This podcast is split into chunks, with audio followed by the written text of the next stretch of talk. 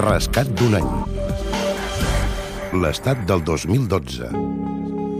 Desnonaments. Milers de famílies atrapades per la hipoteca. El 2012 ha estat l'any en què la pressió ciutadana ha obligat polítics i la mateixa banca a buscar solucions al drama de les execucions hipotecàries, a un ritme que, segons la plataforma d'afectats per la hipoteca, ha superat els últims mesos els 500 desnonaments diaris a Espanya.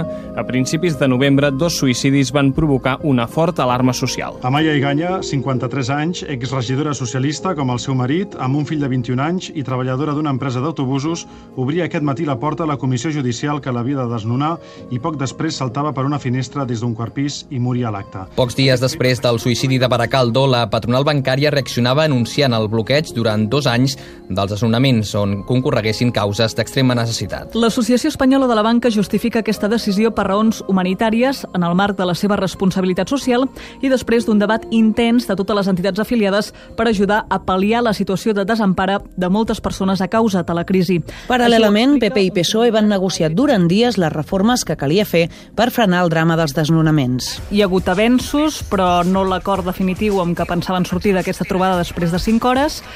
Per tant, demà s'emplacen a seguir negociant. Finalment, els canvis es van aprovar en Consell de Ministres sense un acord complet amb el PSOE i sense atendre la majoria de peticions de la plataforma d'afectats per la hipoteca.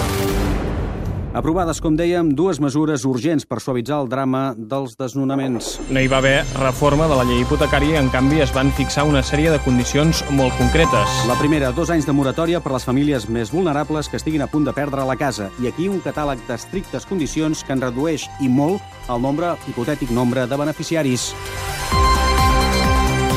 L'objectiu, frenar durant dos anys les execucions hipotecàries més sensibles. Aquesta és la primera. La segona, la segona actuació està destinada als que ja s'han quedat sense habitatge. Se'ls facilitaran pisos de lloguer a preus baixos. Davant les crítiques, el govern espanyol s'esforçava a subratllar les virtuts de les mesures aprovades. El ministre Luis de Guindos rebutja que tan condicionant deixi fora molts afectats i s'explica. Las deudas, lógicamente, y sus intereses, pues hay que devolverlos. Es decir, se está actuando en aquellas circunstancias que se cree imprescindible, que se cree que es de necesidad social, pero en absoluto se está generalizando. Yo creo que esto no va a tener ningún impacto desde el punto de vista de la evolución de la mora en Espanya. El decret no tindria caràcter retroactiu. La congelació del desnonament només la podria ordenar un jutge i, en qualsevol cas, els interessos de demora segueixen augmentant durant el temps en què dura la treva. I això només per alguns. Allò que ahir ens semblava llarg i difícil s'ha fet encara més complicat.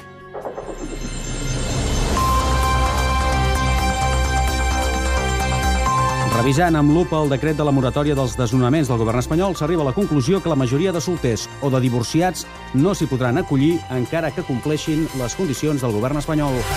La definició d'unitat familiar del govern espanyol, que deixava fora les parelles sense vincles legals, exclou de la treva alguns dels casos més crítics. Per exemple, les dones divorciades amb un fill, encara que siguin víctimes de violència de gènere. La plataforma d'afectats per la hipoteca no es va rendir i va posar en marxa als jutjats una campanya d'entrega massiva de peticions de suspensió de tots els procediments d'execució hipotecària. Aleguem això per intentar parar aquest drama social que està passant actualment. Vostès ja saben que nosaltres, els jutges, malauradament, apliquem la llei, s'agradi o no s'agradi. Mentrestant, es recullen firmes de cara a una iniciativa legislativa popular a favor de la dació en pagament al 2013 i alguns agents de policia plantegen objeccions per no participar en aquests desnonaments. Al programa El Cafè de la República, Joan Barril li preguntava al catedràtic Anton Costas per què el govern espanyol no havia anat més enllà.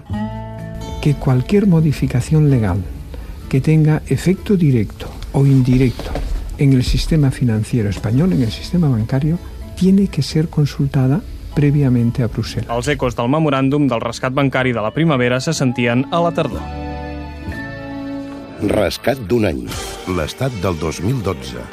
Edició Joan Bota i Marc Jurado. Producció Anna Escura i Mercè Ribas. Muntatge musical Joaquim Garcia.